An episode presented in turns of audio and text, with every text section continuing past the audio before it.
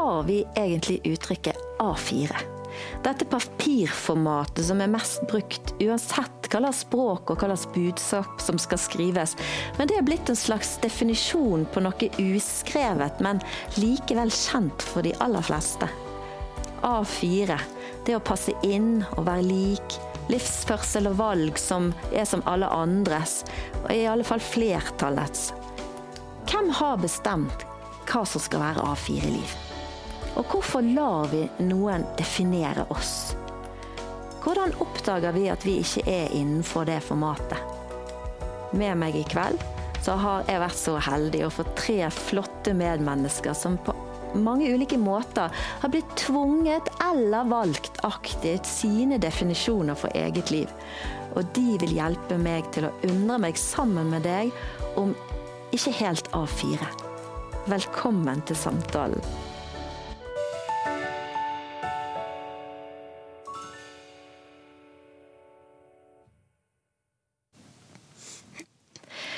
Ja, nå skal du få lov til å bli kjent med Marte Sandanger. Velkommen, Marte. Takk. Veldig fint at du er her. For jeg tror det at eh, du har en del erfaring og livshistorie som kanskje kan være litt ukjent, og en ukjent hverdag for eh, mange. Kan ikke du fortelle litt om hvem Marte er? Jo, ja, jeg er Marte. Jeg er 29 år, jeg er fra Bergen. Jeg Er mm, singel utdannet interiørdesigner. Oh, stilig. Ja. Men eh, for tiden så er jeg leder i Handikapforbundet i Bergen. Så flott. Mm. Ja. Det er vel sikkert en jobb som eh, byr på litt eh, utfordringer? Ja, absolutt. Jeg hadde ikke trodd at jeg skulle ende opp der. Men, men det er veldig spennende og ja, kjekt. Ja, ja. Absolutt. Er, er, det sånn at dere møtes ofte, eller hvordan er det? Er det mye arbeid? Um, ja, det er litt sånn hva vi vil sjøl, sant. Mm. Eh, vi jobber jo for medlemmene våre, eh, så um, Blant annet. Så vi eh, Vi har jo styremøter, og vi har det er ting som, absolutt ting som skjer. Jeg vet at du har vært på Ekstremveko på Voss. Ja. Var det i regi av Handikapforbundet? Vi var en del av det, ja. ja. Det var det. Så vi skal på den igjen i år òg. Så da er jeg i den eh, planleggingsgruppen. det, det, er utrolig stilig. Ja. Fordi at Marte, det er jo sånn at uh, du er veldig på farten veldig ofte, og du har ganske høyt tempo. Men uh, mange ganger så må du ha med deg et hjelpemiddel. Ja. Hva Kan du fortelle litt om, om det handikappet som du har? Ja, jeg har cerebral parese. Mm. Det er en kronisk skade som jeg er født med. Mm. Og um, da Jeg går på krykker, mm. eh, men jeg har òg rullestol, elektrisk rullestol. Eh, som jeg må forholde meg til i hverdagen. Mm, ja. mm. Dette er det, det vel, altså sånn, Dette har du holdt på med hele livet? Liksom. Det, ja. Hvordan? jo da, det, har, det, begynte jo ikke med krykker. Jeg gikk jo i Jeg krabbet jo mye. Jeg har jo vært gjennom eh, mange operasjoner som har hjulpet meg med å eh, komme meg der jeg er i dag, da. Ja.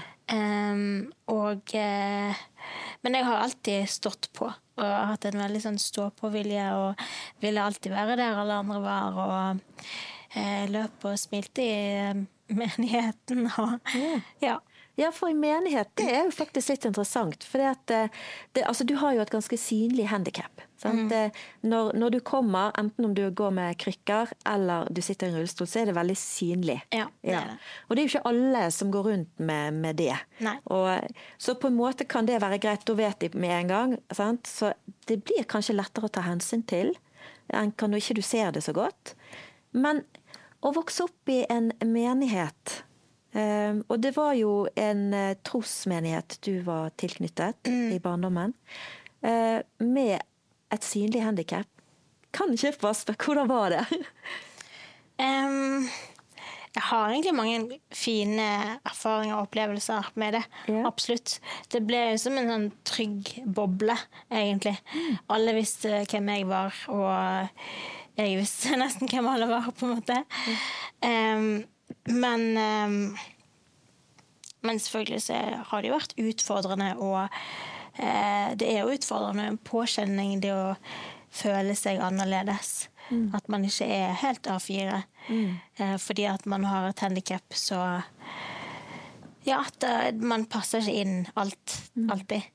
Eh, det er utfordringer som jeg må forholde meg til i hverdagen, og det er Men jeg ble jo inkludert, men allikevel så eh, Ja, byr det på begrensninger. Mm, ja. Men hvordan var det i eh, Altså, du har gått på eh, en kristen barne- og ungdomsskole. Ja.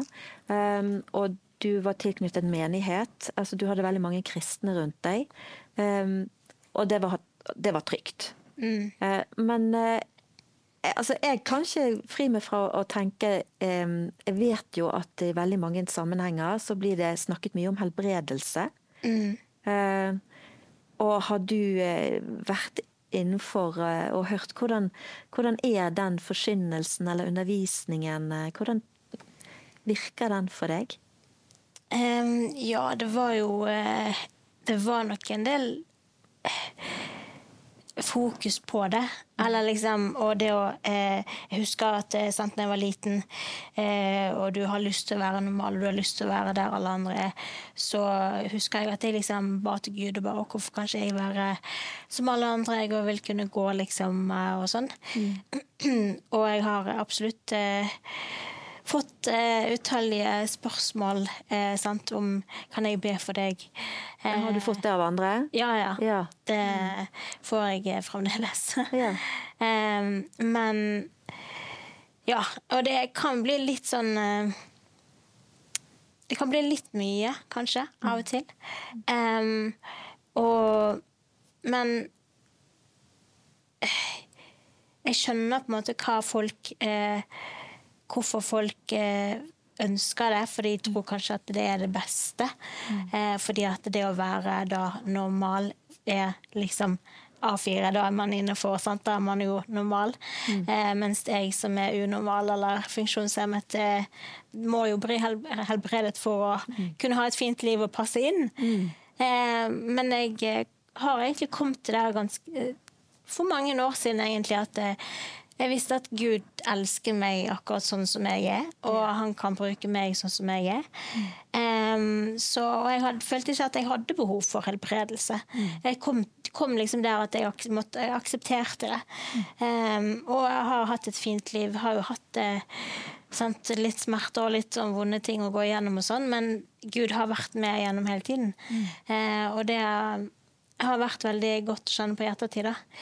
Å se liksom at eh, han har vært der og støtta og um, Så nå er jeg sånn Sier jeg nei til folk som For de ser liksom bare det ytre. sant? De ser egentlig ikke hva jeg har på innsiden, hva hjertet mitt vil be Gud om, på en måte. Skjønner du? Sant? Så det Der er det en stor forskjell, da. Så du har på en måte funnet en, en ro i, i den du er? Ja. Ja. Det er veldig godt å høre. For det er jo noen ganger vi er redd for at noen skal Altså det, en, det kommer en bitterhet inn. Sant? Fordi at en tenker naturlig. Sånn som du sier, det er jo helt normalt å be om å bli helbredet hvis en har en skavank eller en skade eller noe som kan hemme seg. Sant?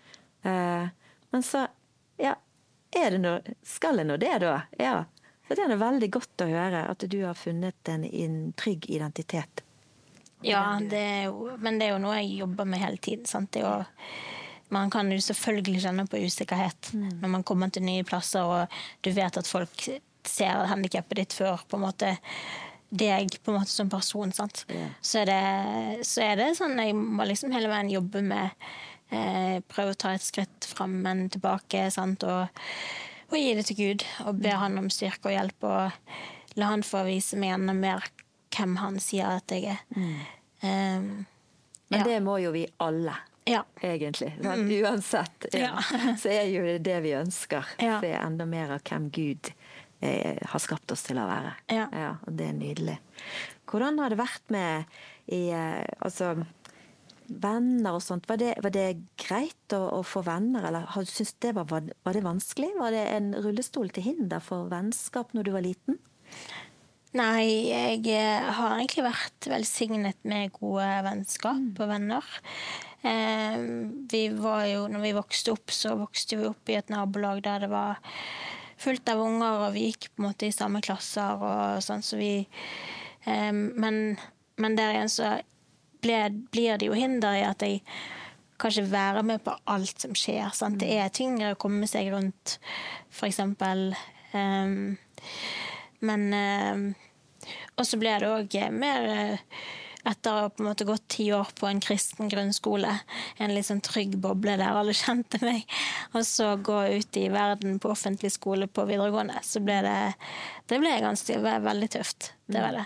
Så det Men man vokser jo på det òg, da. Det er det en gjør. Mm. Mm. Ja, Marte er en nydelig, herlig jente. Og vi skal få bli kjent med noen flere. Det kommer flere gjester til studio. Men først så skal du få et liten sannhetsord fra Linda på Sanning samtalesenter.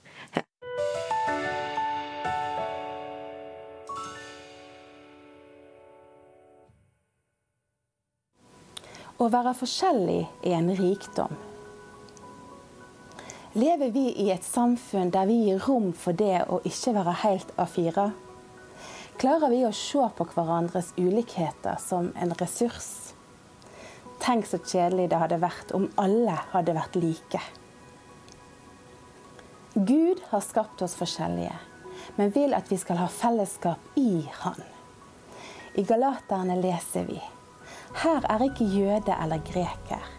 Her er ikke trell eller fri. Her er ikke mann og kvinne, for dere er alle én i Kristus Jesus. Så er det nettopp det vi kan få være. Ett i Kristus Jesus, sjøl om vi er forskjellige menneskelig sett.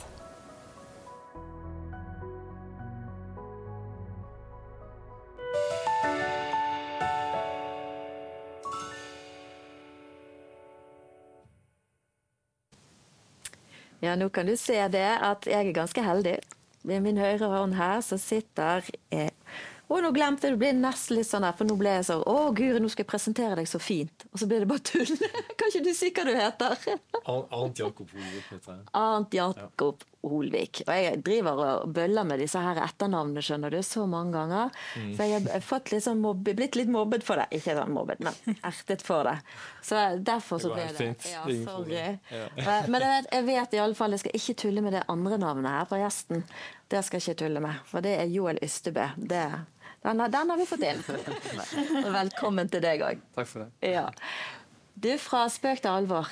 Du må fortelle litt om hvem du er, for du er en meget interessant mann. Ja. Mm. ja, jeg kom fra Kristiansand opprinnelig. Ja. Nå bor jeg her i, i Bergen. Og er gift med Liva, hun er fra Latvia. Ja, så har vi to små barn, Sargil Jakob Levi på fem og tre. Og så får vi nummer tre om to måneder til. Oh. Ja. Så flott. Så det Ja. Um, nei, jeg har, jeg har, litt sånn forskjellig bakgrunn, da. Så jeg har studert litt ulikt. Uh, um, så jeg har Jeg begynte å studere politikk først, egentlig. Så jeg har en sånn runde med det. Og så har jeg jobba og studert økonomi, og så har jeg endt opp med teologi. Ja. Som jeg gjorde som et sånn sideprosjekt til slutt.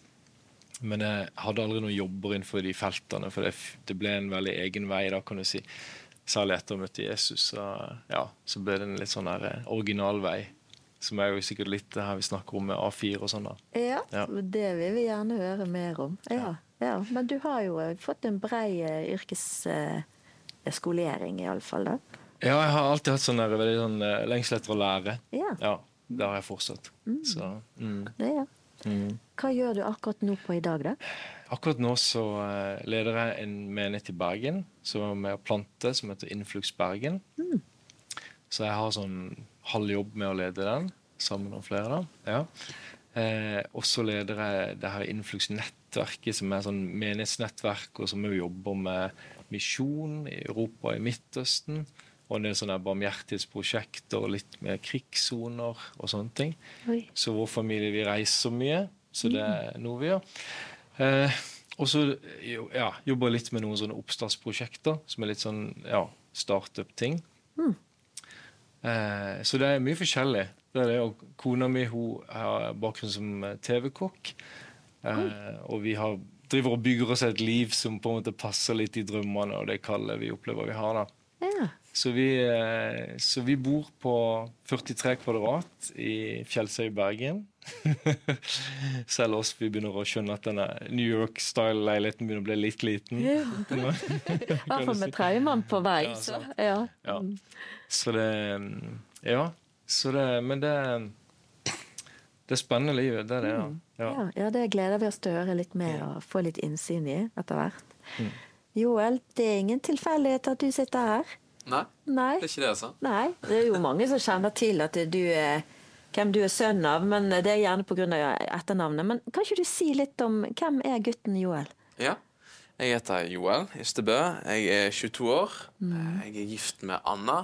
Vi giftet oss i fjor, det nå. Mm. Så det er veldig kjekt. Bor her i, i, i byen her i Bergen. Eh, Og eh, ja, veldig glad og fornøyd med det. Jeg går i Kredokirken i Bergen. Eh, Og så har jeg vært aktiv i politikken ganske ganske lenge. eh, Og får lov å jobbe med det nå. Jeg var førstekandidat ved valget nå i høst for KrF her i byen.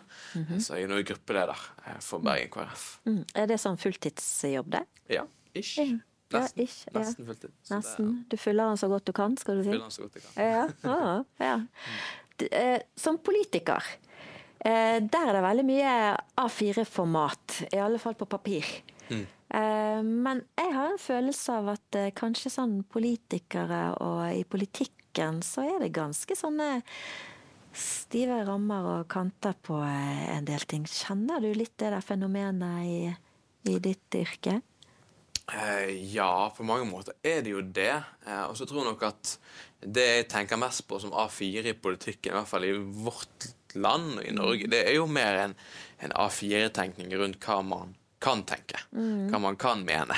Ja. Eh, så, så jeg tror jo, selv om selvfølgelig i politikken så er ting, ting mer sånn eh, formalisert, og selv om man gjerne i debatter så er man litt mer sånn uformell, men, men ting er jo gjerne man, man snakker gjerne på en viss måte hvis man er i et bystyremøte, f.eks., eksempel eller hvis man er stortingsrepresentant, så må man si ting på en litt sånn eh, formelt parlamentarisk parlamentarisk yeah. riktig måte, som det heter. Så, så, så det er på en måte Det er jo litt sånn annerledes enn i andre yrker. Men, men jeg opplever nok at primært så det jeg tenker som A4, da, eller annerledes enn A4 i politikken, Det handler mest om type hva som er mulig å mene, og hva som ikke er mulig å mene. Og Der tror jeg nok at, at, eh, at i Norge eh, og i hele samfunnsutviklingen så ser vi at, at det er blitt eh, vanskeligere å være utenfor den boksen, eller utenfor normalen, det som er politisk korrekt i, i vår, vårt land og i, i samfunnsdebatten. da. Ja, for politisk korrekthet det er et ord som er blitt kanskje mer og mer brukt, egentlig.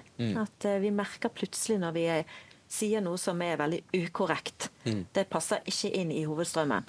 Eh, du har hatt noen kommentarer på eh, bakrommet. Ja. Eh, fordi at du nevnte på at du er litt ute og reiser. Ja, vi reiser relativt mye med familien, ja. Så det som er fint når du reiser, det er at du er ute, så kommer du inn i et helt annet klima, kan du si, sant? og så kommer du hjem igjen, og da ser du ting litt sånn klarere. Så det en av de tingene jeg merker med, har jo vært akkurat det der at Norge mye mer konformt enn det folk kanskje vet eller tenker. da. Sånn at um, det er en veldig sånn fin sak at folk har mye tillit til myndigheter, og det har vært mye gode verdier i samfunnet. og sånn, sant? Men, men hvis du liksom mener noe annerledes enn det som er hovedstrømmen, og som er liksom det korrekte, på en måte, så blir plut- kan plutselig norske medier eller folk reagere veldig. Folk som vanligvis er veldig hyggelige, så plutselig liksom så skriver de på Facebook. liksom, sant? Så det, jeg savner litt det der rommet da, for forskjellighetstenkning. da. Rommet for ulike valg, liksom. Altså at ja, vi er litt sånn eh, smale, kanskje. Mm. Ja. Så vi må ut og fly litt først for å komme hjem og se at det er kanskje ikke så bredt som det vi egentlig prøver å skryte på oss. Nei, du ser jo på sånn som for eksempel, Dette er kanskje litt politisk, men alle disse rike folka som flytter ut av landet. ikke sant? Det, er jo, altså det, det er så mange forskjellige eksempler da, på at det kan bli litt trangt. da, sant? Eh, og jeg tror det er noe veldig sunt da, med stemmer som kan åpne rommet. Og jeg tror det er veldig sånn befriende for folk å få vite det at ja, det er lov å være litt forskjellig. Det er bra. Det er positivt, liksom. Så. Ja, ja akkurat.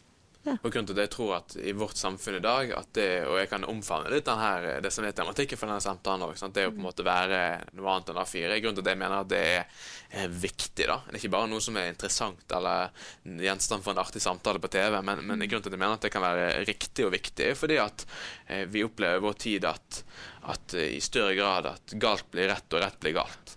Sant? Eh, og at på en måte vi ser en samfunnsutvikling hvor det at man eh, våger å trå ut litt fra det som er mainstream, det som er på en måte politisk korrekt, det er helt nødvendig. Mm. ikke sant? Og, og, og hvis du, eh, nesten så hvis ikke du velger å ha et eh, eh, eh, type sånn regnbueprofilbilde på Facebook, eller ikke nødvendigvis eh, omfavne alt det som, eh, som tenkning rundt det innebærer i, i dag, sant? eller man ikke nødvendigvis mener at abort er helt eh, uproblematisk, men man tenker at man kanskje trenger litt rammer rundt disse tingene, og at det ufødte barnet faktisk har verdi.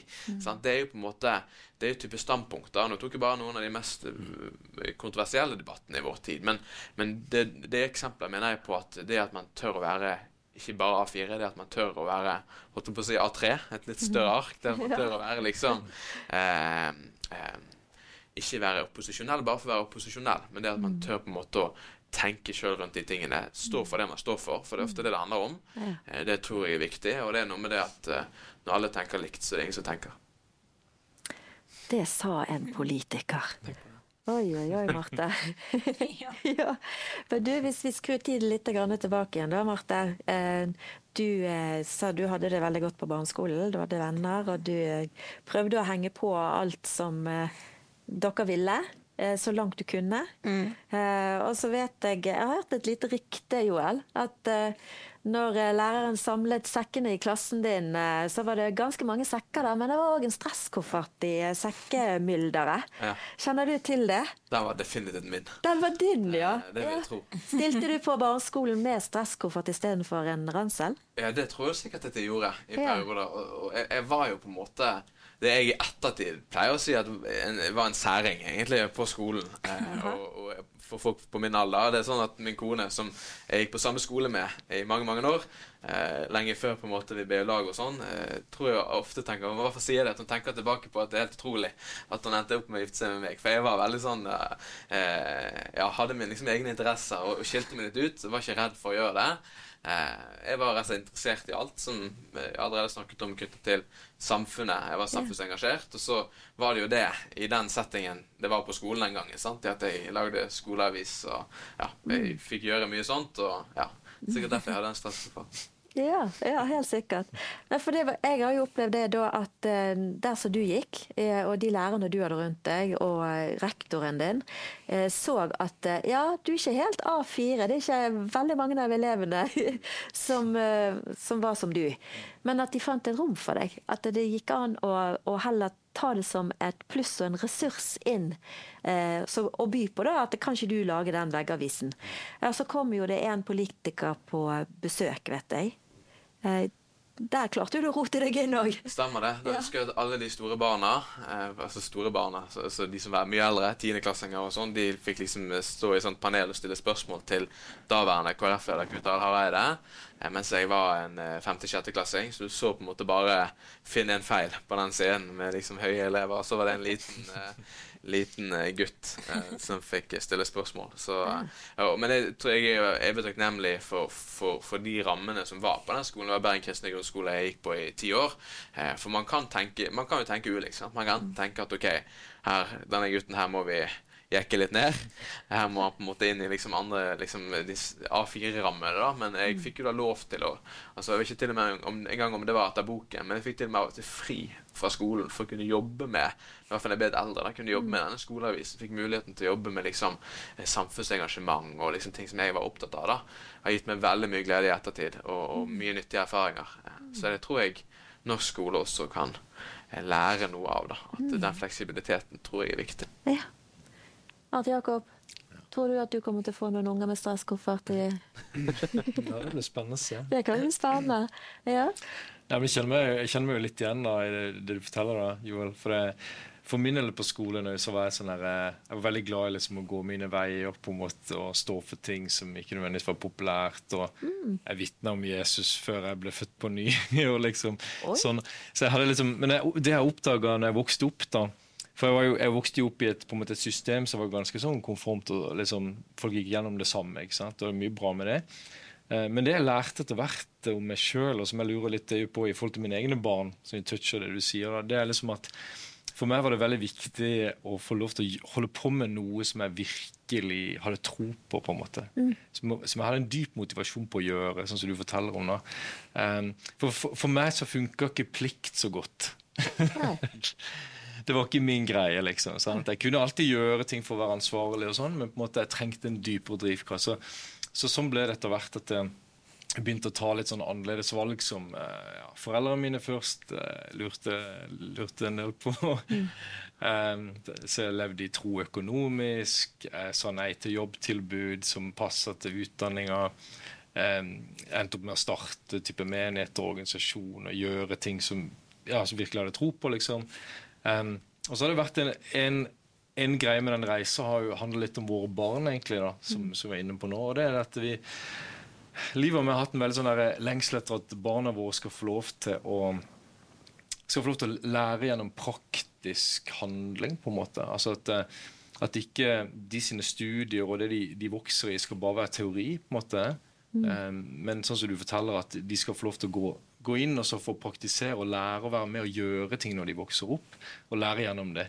Så, det, så vi har jo egentlig mye sånn der eh, en av våre litt sånne ikke så A4-sider går jo for på vår interesse for homeschooling. For. Ja.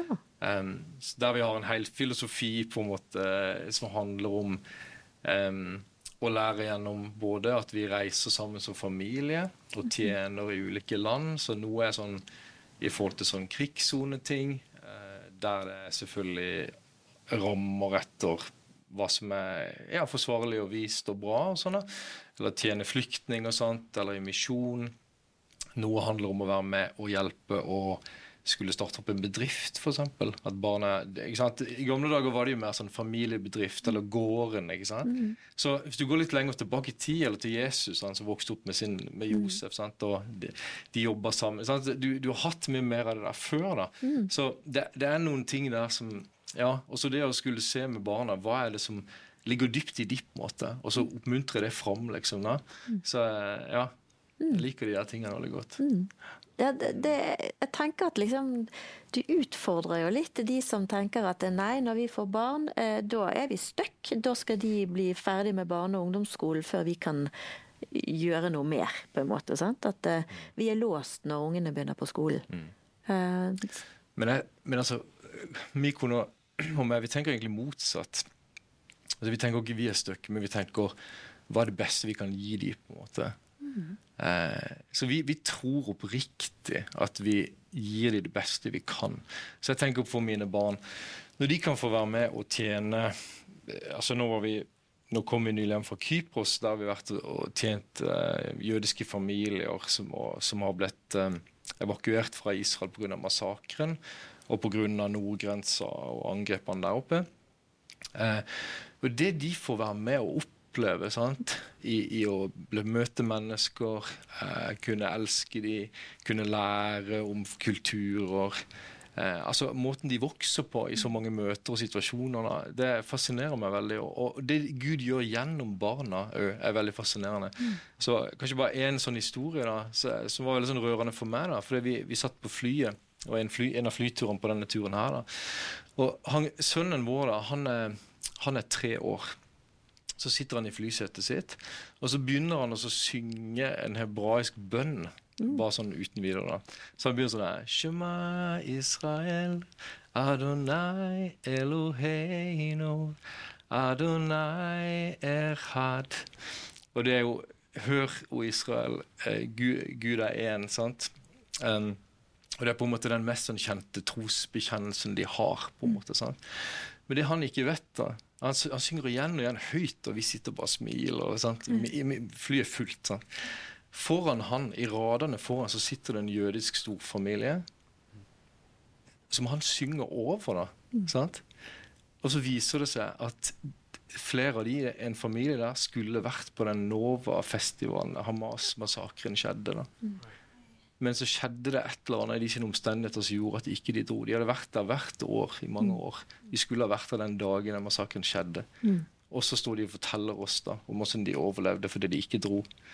Og så har Gud på en måte sunget sitt navn på en måte over dem da, gjennom han gutten vår. da, sant? Ja. Så for meg så ble det en sånn herre Ja, vi skal, ikke, vi skal ta de med inn i tingene, på en måte.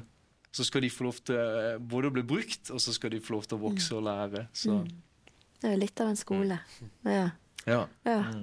Det, En ting jeg bare lurte på, for type sånn eh, Når man er utenfor eh, For, jeg, for jeg har ikke, vi har ikke barn og sånn familie sånn ennå, så, så når man gjør ting utenfor litt de A4-rammene som foreldre, så det er noe som heter mammapoliti, eller pappapoliti, hvor på en måte folk liksom rundt kan dømme litt de valgene man tar. Sant? Da liksom At man gjør noe litt annerledes. Eh, Har dere merket noe til det? At dere liksom får pes eller kjeft fra folk som tenker at eh, barna deres burde hatt en helt vanlig skolevei på en måte i Norge, og ikke oppleve det de gjør. Jeg tror, jeg tror kanskje på en måte at noen valg, noen valg som opplever kanskje mer at folk er litt sånn De beundrer litt at du våger å gjøre sånne ting, og det, det høres spennende ut. Og noen kanskje så du kjenner de relaterer til det, men andre tenker kanskje at det, er ikke for oss. på en måte. Og Sånn tror jeg jo at folk er forskjellige. sant? Um, men, så de kan beundre det, og de kan ha respekt for det, men med en gang, med en gang det toucher noe som utfordrer de sine valg, Ja. så er det vanskeligere å oppleve litt. da. Så én ting for, for å være åpen om det, da, eh, det er jo f.eks. det med mm, barnehagespørsmålet, f.eks. Som blir veldig close to home for mange. da. Hvis, man, hvis man skulle snakke om at man tror det beste for barna er å være hjemme med foreldrene, og spesielt mora, særlig de tre første årene, f.eks. Eh, det er ikke lett å snakke om, f.eks. eksempel. Det har vi opplevd mange ganger. Da blir det vanskelig. Sant? For det er jo når du går på helsestasjonen, og så blir du spurt ja, har du barnehageplass. Sant? Du har barn som er ni måneder, f.eks. Mm. Så så jeg tror liksom med en gang det blir så blir det litt, litt, eh, litt grann sånn. Men eh, så er det kanskje de, de aller næreste relasjonene.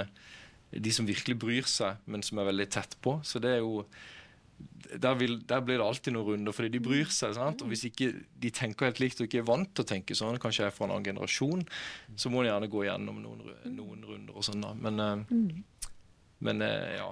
Så det er litt, eh, så jeg tror ikke Norge er det enkleste landet alltid for å ta annerledes valg. Men jeg tror jo folk ja, det er mange som er litt sånn fascinert av annerledestenkning, og, de- og de begynner å tenke sjøl. Så kanskje de kan ta med seg noe verdifullt, selv om de tar andre valg. Men en refleksjon som blir viktig for dem. Så det er flott. Dette er interessant. Eh, Vi skal få en liten reklamesnutt før vi eh, kommer videre med samtalen.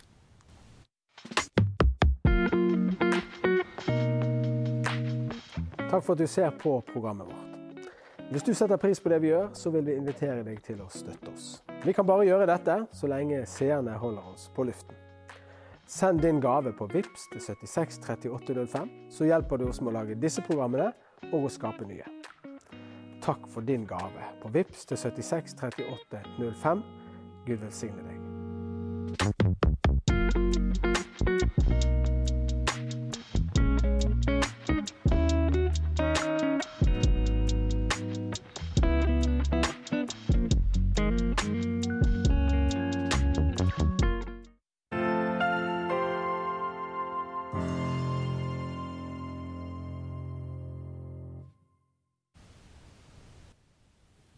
Da er vi tilbake igjen, og da har jeg veldig lyst til å spørre deg, Marte. Det med å ikke være helt A4, hva er det som har vært den største utfordringen for deg med det?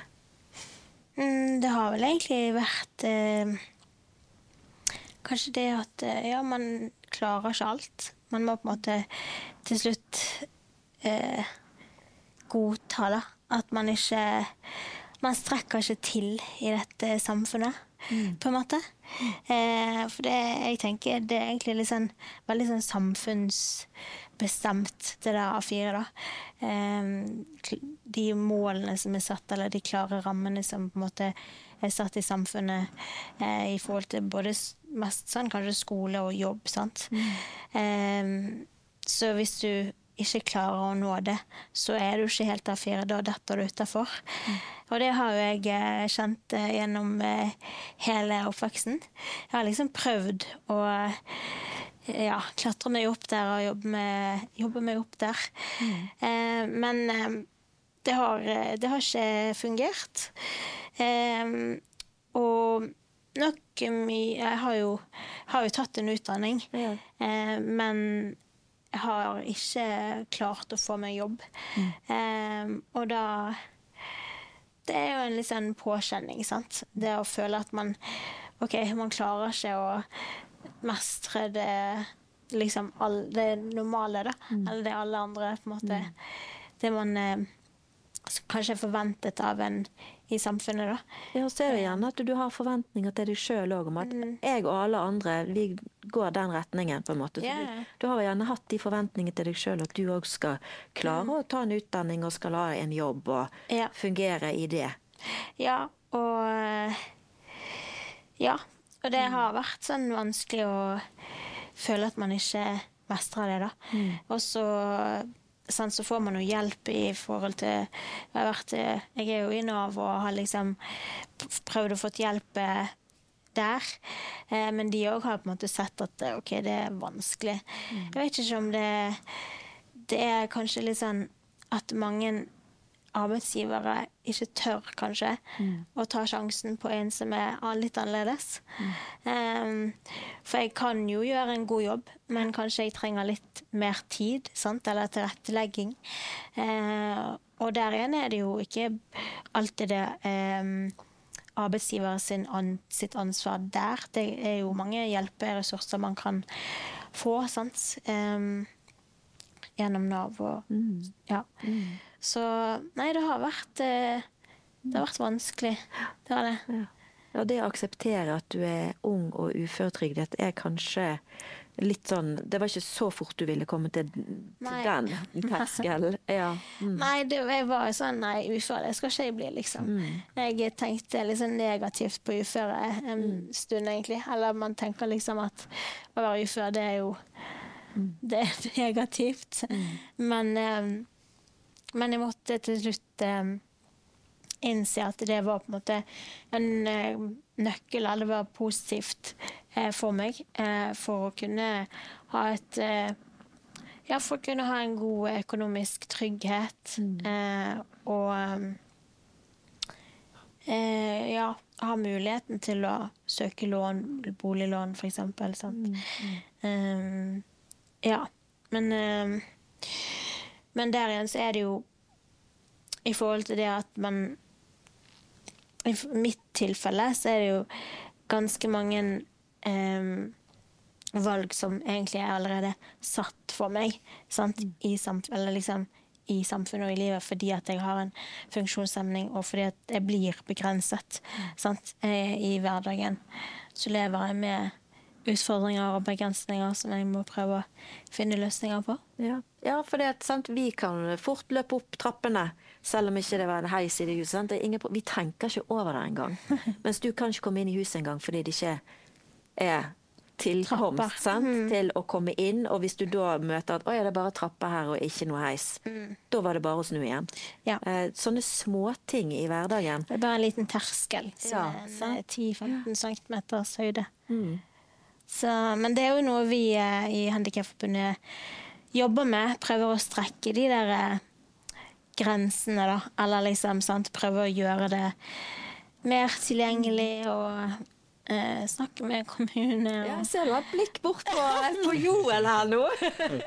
Ligger en liten press her på deg nå, Joel. eh, Det der, ja, det der er definitivt utrolig viktig. sant? Ja. Og, liksom, og, og uten at jeg liksom skal politisere det altfor mye, så er jeg veldig stolt også å være en del av et parti som faktisk har i hvert fall pushet disse tingene, vært veldig opptatt av det. sant? Og, og for meg er det for som er opptatt av, av menneskeverdtematikk eh, på, på ulike områder, sant? så er jo dette også et spørsmål om det. sant? Det er et spørsmål om å kunne leve gode liv, verdige liv, og det at man skal kunne få de tingene tilrettelagt. Det er jo på en måte Det er helt nødvendig det, eh, for mange. Mm. at man har de tjenestene man trenger. Eh, og at man, og bare sånn som nå, for eksempel, eh, så er det jo for det er mange i denne gruppen her, sant, og type yngre òg. Og eh, si hvis du er ung og er, har en funksjonsnedsettelse og ikke har så mange muligheter til å dra på ferie, f.eks., for eksempel, fordi at man må få tilrettelagt for det, så er det sånn at, eh, at, eh, at eh, i Bergen har vi hatt et ferietilbud for de det gjelder, som man har organisert. Eh, Det at man f.eks. da viderefører det, noe som byrådet nå har vært litt skeptisk til, det er noe som er sånn viktige ting. Sant? Det er små og store tjenester i en kommune eller i et fylke og i et land eh, som er så viktig at vi eh, beskytter nettopp pga. Av, av, eh, av de og sånne som Marte som forteller eh, så fint om, om viktigheten av det. da. Og sånn igjen så er jeg veldig Jeg kjenner på en takknemlighet, da. I forhold til i hvert fall når jeg har kommet inn i Handikapforbundet og eh, Jeg ser liksom tydelig òg hvor mye jeg klarer i forhold til mange andre. Sant? Jeg er heldig, jeg kan hoppe ut av rullestolen min og gå inn eh, Om det er terskel, liksom. Bare det er litt tak hvis det regner, sånn, så han ikke blir våt. Så det ja, jeg er veldig bevegelig og har alltid vært det, så jeg er super takknemlig for eh, ja, for det. Ja. Og så er Det jo sånn, det er jo ikke bare politikere som skal passe på å tilrettelegge egentlig og kjempe eh, saken for oss. Det er heller ikke bare Handikapforbundet. Jeg tenker menighetene. Hvordan er, er, er det, tror dere? Jeg ser på deg, for du har drevet og startet noe. Eh, hvordan, hvordan er vi der? Tar vi eh, nok vare på og hensyn til og inkluderer de som er litt annerledes? Stort spørsmål. Ja, det er jo et stort spørsmål. Det jo, det er jo på en måte det vi, vi er her for, på et vis. da. Altså, sant? Det er jo typisk sånn Jesus. Å se, se enkeltpersonen, og uavhengig av hva slags situasjon det er. Så det er jo, det er jo hele veien eh, et spørsmål å stille, ja. ja det er jo det. det men å gi gode svar på det er jo Ja, det er vel det en lenge ønsker så, ikke sant, veldig, da. Eh, Å se mennesker og og representere den kjærligheten som, som Jesus eh, har og viser så i Bibelen til folk han møter, liksom. Mm. Så um, Det kan vi bli Ja. bedre på å inkludere de ikke helt A4? ja, det vil jeg jo tro. Ja. Helt klart. Klart det. Ja, ja, ja. Det er sikkert mye forskjellige menigheter og miljøer, vil jeg jo tro. da, sant? Du har jo sikkert alt fra ja, der det er mer, eh, litt mer konformt, eller du kan kanskje føle liksom at eh, folk er såkalt vellykka, eller ikke sant? så har du jo andre uttrykk som er helt annerledes, og, ikke sant? som har annen sammensetning og sånn. da. Så er sikkert veldig veldig forskjellig. da. Men eh, det har vært en av, hvert fall en av, en av ønskene og lengslene jeg har hatt i forhold til det der med når vi har starta menigheter og sånn, har jo vært nettopp det der å liksom se det mangfoldet. da. Eh, og, eh, men jeg tror, jeg tror det, jeg tror det liksom når, når folk får Guds hjerte for mennesker, da, liksom, og Guds verdi, eller Guds verdi for mennesker, da, så vil de der tingene forsvinne med mer. Da, da blir ikke det det som er viktig lenger. Sant? Og så blir det på en måte enkeltmennesket du ser, og da er det, da er det gleden for eh, om de er sånn eller sånn, liksom. Og det, det er kanskje noe av det vakreste med kirke, når det virkelig funker. Men jeg tror jo det der å snu menigheten utover er jo en av de tingene som er veldig veldig viktig, da, som jeg brenner for. da. Men eh, så det, ja, det er kanskje viktig sånn tid som denne òg, som vi opplever litt press type, ikke sant, eh, på forskjellige felter, ikke sant, som kristne og som menigheter, og kanskje bibeltro eh, sant, at det er et press på mange ting. Så det å ikke gå inn i en sånn her plass der vi på en måte er mer litt sånn i frykt og veldig defensive, da, det tror jeg er veldig viktig, faktisk. da. Men at vi skal fortsette å gå utover og heller møte mennesker, om de så er veldig annerledes i hva de tror og tenker og alt mulig, og så tørre liksom at det lyset vi har, eh, og den kjærligheten Gud har gitt, da, den er mer enn sterk nok for en sånn tid som dette. liksom. At Vi er på en måte ikke trua på livet her, men vi har faktisk fått det som, vi, som alle trenger. da, sant? Så det er en helt motsatt tanke da, så, som jeg liker. Jeg tror jo nettopp det. Det er hjertet for mennesket òg som veldig ofte gjør inntrykk på folk. Sant? Altså den, det man gjør i tjeneste, det f.eks. diakonale arbeidet som skjer, ser rundt omkring i denne byen som vi er her, og i, i dette landet og flere steder i verden. Sant? Tror jo, eller ikke bare tror, men ser vi jo at gjør inntrykk på mennesker. Sant? Jeg møter til og med på folk i politikken av mine kollegaer også, som, som kan være eh, kan gå inn i spørsmål knyttet til eh, menigheter og frikirker f.eks. med en skepsis. Og så blir de kjent med alt det arbeidet som gjøres. Så blir de kjent med det diakonale arbeidet som gjøres, og alt det utrolig verdifulle som skjer da. Eh, og det er fordi at jeg tror nettopp, som, som du er inne på, sant? altså hjertet for mennesket, den, eh, den Jesu-etterfølgelsen, eh, det, det innbefatter også eh, det, det, det er den type hjelpearbeid eller den innsatsen for, eh, for både mennesker som ikke har A4, som trenger en tilpasning eller hjelp, og også de som blir omtalt som disse mine minste. Ja. Ja, altså, jeg, jeg kom liksom på, eller jeg tenkte sånn at vi må passe på at Eller det jeg virkelig på en måte kjenne Kjenne Gud da, og på en måte søke hans kjærlighet for folk, sånn, som dere sier. For det kan fort bli at vi blir veldig fok fokusert på at ting skal være så bra og lyd og lys og eh, det tekniske. Sant? Det skal være så eh, profesjonelt, liksom. Det skal se så bra ut, og, det skal, og da blir det veldig sånn fasade. Sant? Mens det viktigste budet er jo liksom å elske Gud av hele ditt hjerte og elske de neste som deg sjøl. Og jeg tror det er bare sånn Jeg tror det er det som er nøkkelen til, for da, blir, da glemmer vi alt det syn, eller alt det rundt oss. på en måte. Da blir det sånn OK, Gud, hvem vil du jeg skal møte? Sånn, for det, så der jeg er i Handikapforbundet, det er jo så mange som, som jeg kjenner Gud, liksom De trenger deg, sant? Fordi de leter etter en trygghet og identitet i verden sant? som de ikke finner. Mens, eh, mens jeg har på en måte et, en, et ja, let, eller en eh, sikkerhet en annen plass, sant? i Gud.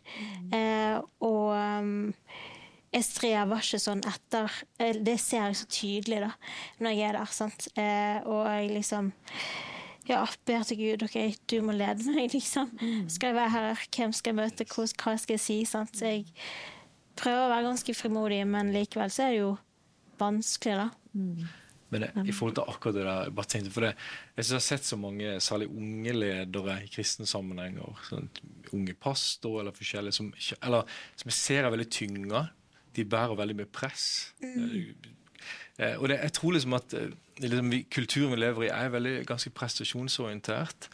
Og så tror jeg kirke kan bli sånn som du sier, med liksom, lys og bilde, på en måte. Altså eh, veltalenhet, eller altså eh, Særlig det med tall og resultater. Det er veldig mange sånne ting da, som påvirker oss mye mer enn det vi kanskje er klar over. Ja. Og det igjen gjør at du, du kan føle et veldig press på at du må lykkes, du må prestere, sant? og du, det skal måles. Sant? Men så, sånn som du sier at det Jesus sier, er jo liksom å elske Gud og elske mennesker som det største budet. Sant? Så hvis du tar de her to og ser på de ved siden av hverandre sant? Den første, liksom Du kommer aldri til å leve opp til alt det som du kanskje burde klart. Sant? Eller? Det, det, er aldri, det er aldri nok, på en måte. Sant? Det er alltid noens forventninger eller dine forventninger eller et eller annet. Men, men det å, å kunne bry seg om ett menneske, det er faktisk ganske lett. Det er faktisk en lett byrde å bære, da, som Jesus snakker om. Sånn. Så jeg, å, jeg har fått så hjerte for liksom det der å sette hverandre fri. da. For da lever du så mye bedre. Så jeg, men det var en ting som jeg sa til Joel før vi begynte her. at eh, Nå har du bare 20 sekunder på det. ja, Jeg syns det er kjekt med den, den frimodigheten. liksom. Ja.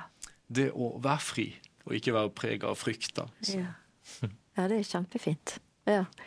Uh, og nå skal vi få en liten andakt av Trygve Cornelissen før vi er raskt tilbake igjen. Vær så god.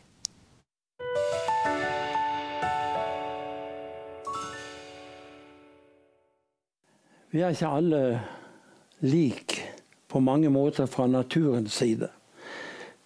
Noen er det som eh, kanskje blir betegnet som ikke helt A4. Og så er det slik, da, som jeg har tenkt på, at eh, foreldre som venter barn, de kan jo i dag finne ut om barnet Om det er noe skavanker, om det er noe som ikke det skal være. Dessverre, mange av disse barna vokser aldri opp. Men så er det jo da noen som velger å ta det barnet som ligger der i mors liv, og de tar det og ønsker det velkommen. Mange utfordringer får de gjennom livet med dette barnet, men det kan også være til stor glede. Vi har mange gode, fine eksempler på det. La merke til på eh, denne sendingen på på, på NRK om disse, alle de som hadde handikap. Handikap-olympiade, ja, der har vi det. Og det var jo da at hvordan dette her fungerer. Det er mennesker som fungerer både i sport og i, på sin måte gjennom musikk og sang og idrett. Så fungerer de. Det er godt å se at det er plass for alle disse i samfunnet. Vi har eh, erfaringer fra det daglige liv. Ungdommers, en ungdom som eh, kjenner godt ifra eh, det daglige liv alltid med på møtene i forsamlingen. Kommer det en predikant der, og han uh, syns at denne predikanten han, uh, har mye godt på hjertet. Han smiler og ser seg rundt og nikker og, og uh, vil ha oss andre med til å synes at dette her er bra. En ungdom som også Vi møter han kanskje på butikken. Der har fått en liten jobb. Han kjører vekk traller og rydder litt. Og han fungerer i samfunnet. Og så da fra min tjeneste som pastor en del år tilbake. En eh, godt voksen mann. Han satt på venstre side der nede, og han fulgte godt med. Han ga tydelig uttrykk for om det var noe han likte i forsamlingen, om han likte preken eller ikke likte. Humret litt og var litt grann, Vi la godt merke til at eh, han fulgte med. Han var ikke helt A4, men en fin åndelig mann som hadde god teft for åndelige ting. Ja ja, nå eh, er det jo slik da at vi har mange erfaringer både fra hjemme her og fra Afrika. På stasjonen som vi kom som unge eh, misjonærer da, vi, det var bygget sykestue der og fødestue. Og sykepleierne de kunne jo dessverre av og til si at uh, det var barn der som var født som ikke fikk vokse opp pga. et handikap. De ville ikke bli godtatt i samfunnet. Og ellers så fulgte foreldrene på at dette kunne være noe åndsmakter og slike ting. Uh, så det ble dessverre slik at de ble gjerne tilsidesatt. Men uh, Heldigvis i dag så er det jo andre ting som fungerer mye bedre. En mye bedre forståelse av ting. Og barn som har et handikap på mange måter, de også blir tatt vare på på sin måte. Og så er det da at eh, Jesus har også en hilsen til oss gjennom sitt ord. Og han sier også 'Kom til meg, alle dere som strever og har tungt å bære, og jeg vil gi dere hvile'. Det gjelder jo ikke bare de som har handikap, eller som har det vanskelig. De, eh, jeg tror at de på en særskilt måte er tatt hånd om av Herren men også for oss alle andre da, som kanskje gjennom livet opplever litt nedturer og, og, har det litt vanskelig av og til, så sier Jesus 'Kom til meg, alle dere som strever og er tungt å bære'. I saligprisningene så er det jo da at Jesus han sier 'Salig er de fattige ånden, for himlenes rike er deres'. Fattig i ånden. Jeg har lurt på det. Hva betyr det egentlig? Ja, leser litt og finner ut og ser at eh, fattig ånden, det er faktisk talt eh, disse som eh, setter sin lit til Jesus av hele sitt hjerte og stoler på han, uavhengig av omskiftelser rundt dem og alt. De som setter sin lit til Herren, de er salige, står det. Og mange andre da, som også Jesus han sier, de er salige fordi at eh, de har satt sin lit til ham. Øyvind Fragell han har også en sang som eh, eh, vi kjenner godt til. Har du møtt en ensom pilegrim her på ferden? Venneløs, alene, oversett og glemt. Kanskje var han blant de minste her i verden, men for himmelen også denne er bestemt. Har du aldri tenkt at denne ensom pilegrim er din bror? Som er like mye verd for Gud som deg. Kanskje mest av alle trenger han et ømt og kjærlig ord som kan lyse opp på ensomhetens vei. Amen.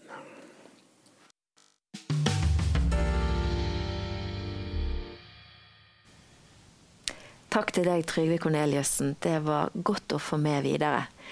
Joel, du eh, holdt jo på nesten å begynne å nynne på å synge på en sang her, du. Kan ikke du fortelle oss? Ja, for jeg er den generasjonen som har hørt veldig mye på Lisa Børud opp gjennom årene. Eh, Hun har en sang som heter 'Tøff nok', hvor hun synger om at Jesus spør om du er tøff nok. Eh, og jeg tror det at For mange av oss som, som tror på Jesus, som har Jesus i hjertet, eh, så er det helt grunnleggende viktig for oss. Et grunnlag for livet vårt. Jeg Og så tror jeg også at noe med det å ikke alltid være A4, og tørre å ikke alltid være A4, det handler litt om også bare det å være tøff nok eh, i troen og i det grunnlaget vi har, og de verdiene man står for. Ja, og Marte, du har nevnt det, og det vet jeg ligger på deg, det der med at å være tøff nok, da må du faktisk bruke tid med Jesus, for det er han som tøffer deg opp. Så hvis vi bruker tid der og gir alt, både våre A4 og A5 og A3-format, alt det som er, til Jesus, så kan han gjøre underverk med det. Og med det så takker vi for samtalen i kveld. Tusen hjertelig takk til dere. Nydelige. Og så ønsker vi deg en fortsatt god kveld. Takk for nå.